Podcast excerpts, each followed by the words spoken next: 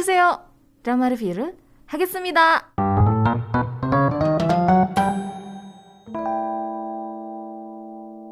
Oke, di segmen ini aku bakalan bahas satu buah musikal yang baru aja dirilis. Itu tepatnya di tanggal 18 sama 19.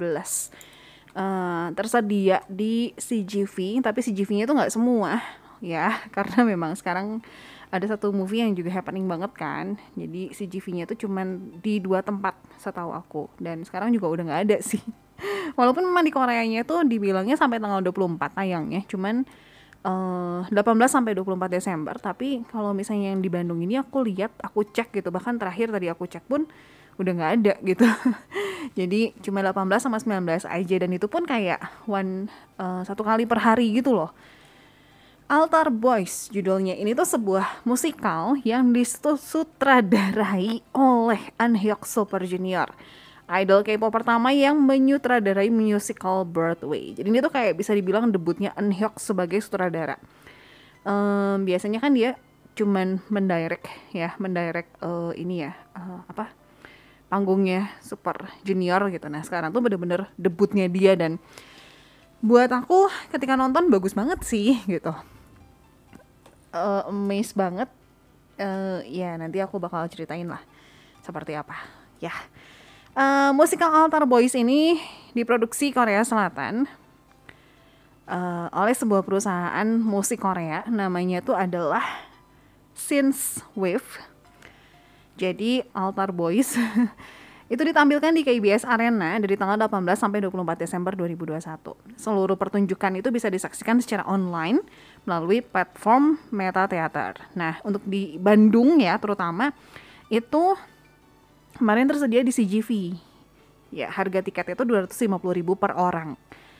Lumayan mahal tapi kayak sesuatu hal yang baru dan aku tuh sedikit menyesal karena ternyata di tanggal 5 Januari itu ada satu musikal juga yang keluar di CGV tapi aku nggak ngeh gitu uh, dan ini tuh tipikalnya Altar Boys ini tuh tipikalnya tuh mirip-mirip kayak konser jadi musikal tapi konser gitu Sementara kalau yang tanggal 5 itu bener-bener musikal gitu. Jadi itu sedikit perbedaannya. Oke, okay, Altar Boys ini awalnya merupakan musical Broadway yang ditulis oleh Kevin Del Aguila, disusun oleh Gary Adler dan Michael Patrick Walker.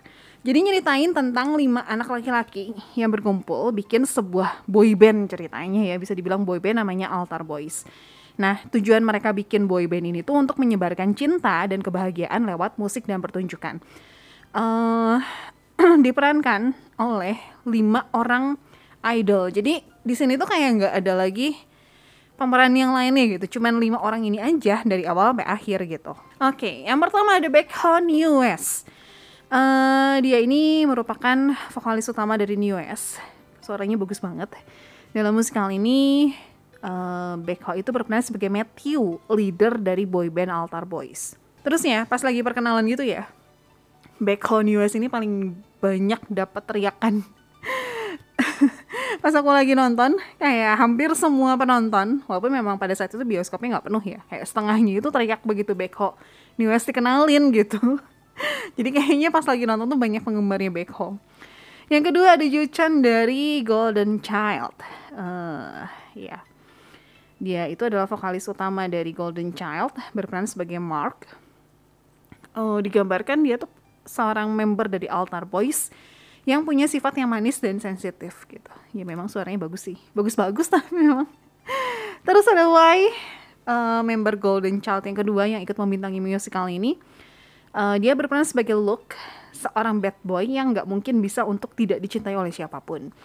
Terus ada Taeyang SF9 yang berperan sebagai Yuan, ya seorang Latin lover uh, yang juga mempesona banget lah di Altar Boys. Terakhir ada Sanha Astro, uh, dia berperan sebagai Abraham. Uh, hampir sama dengan kehidupan aslinya, Sanha itu juga berperan sebagai seorang member termuda di Altar Boys yang punya sifat positif dan ceria. Jadi, seperti yang tadi aku sempat bilang, Altar Boys ini tuh nyeritain soal lima pemuda gereja ceritanya ya, yang menggunakan lagu dan tarian sebagai bentuk penyampaian pesan gitu. Jadi, ada lima laki-laki yang beragama Katolik yang bernama Matthew, Mark, Yuan, Luke, sama Abraham. Mereka itu punya perbedaan soal kekhawatiran, soal kepribadian, cerita mereka juga latar belakang mereka berbeda. Diceritakan 10 tahun yang lalu, itu pertama kali mereka ketemu di ruang fotokopi gereja. Terus kayak dapat dapat satu perintah untuk bikin grup dan menyebarkan pesan yang positif kepada orang-orang gitu pesan tentang kasih dan lain sebagainya. Ceritanya sebenarnya cukup simpel. Jadi mereka tuh kayak diceritain kayak ngadain satu konser gitu, konser altar boys. Jadi mereka nyanyi ngedance, terus mereka uh, cerita sedikit soal kehidupan mereka, terus mereka ngedance lagi gitu sih. Jadi kayak aku ngerasanya kayak nonton konser sih, lebih ke kayak nonton konser. Uh, tapi di balik itu semua ada satu cerita gitu. Jadi kayak mereka tuh punya tugas untuk menyelamatkan manusia dengan sejumlah angka yang nanti ketika mereka udah beres nyanyi angkanya berkurang atau bertambah gitu. Dan aku spoilerin aja ya. By the end itu cuma tersisa empat orang dan kayaknya sulit banget gitu. Empat orang ini tuh kayak susah banget. Uh, kayak dibilang itu masih terhilang gitu empat orang ini. Mereka gunakan segala macam cara berusaha semaksimal mungkin sampai akhirnya uh, sang leader itu ngomong saya salah satu dari empat orang itu gitu. Jadi kayak mereka tuh uh, di balik perform mereka untuk menyampaikan pesan positif ternyata mereka punya dark side masing-masing gitu. Uh, dari lima orang ini. Dan itu part itu sih part yang menyentuh banget gitu. Terus satu part lagi yang berkesan adalah uh, ketika ada salah satu anggota yang berusaha untuk nemuin orang tuanya di Italia kalau nggak salah. Udah diketemukan dan ternyata meninggal dunia gitu dua-duanya. Dan pada saat itu si membernya tuh kayak it's okay nggak apa-apa. Yuk kita lanjutin pertunjukannya. Yuk kita lanjutin konsernya gitu. Tapi ketika dia harus menyanyikan lagu uh, di panggung dia nggak bisa gitu dia nggak kuat. Dia kayak ke balik panggung gitu ditarik sama leadernya berusaha untuk kuat tapi sebenarnya nggak kuat gitu. Dan akhirnya dia mengakui kalau dia nggak bisa. Dia nggak kuat. Dan dia uh, bisa dibilang dia hancur karena kehilangan orang tua itu gitu. Jadi itu sih yang menurut aku bagus dari musik musical ini gitu ceritanya. Uh, ya masing-masing punya dark side-nya tersendiri. Dan ketika mereka mengakui itu gitu mereka bilang ya itu saya mengakui dengan jujur gitu. Cuman overall tetap bagus. Bagus banget dari segi musiknya dari segi penampilan mereka pecinta idol pasti uh, suka banget lah nonton musical ini. Dan ternyata musical ini juga pernah dimainin di Jepang gitu, uh, dengan personil yang berbeda ya. Jadi dimainin sama Yaesung Super Junior, ada Chansung 2PM, ada Dongwon Highlight, ada Dongwoo Infinite, ada Neil Tin Top, Cross Jin-nya Takuya, terus ada Seong My Name juga, terus ada penampilan dari Kim Nam Ho sama Han Sang Wook gitu. Jadi pernah dimainin juga. Semoga nanti uh, ke depannya bisa lebih banyak lagi musical-musical Korea yang bisa di streamingin di Indonesia ya. Sebenarnya uh, ketika lagi nonton sih ngerasanya ya tetap seru aja gitu. Cuman yang bikin ganggu adalah ada notifikasi WhatsApp yang masuk gitu karena kan itu streaming ya.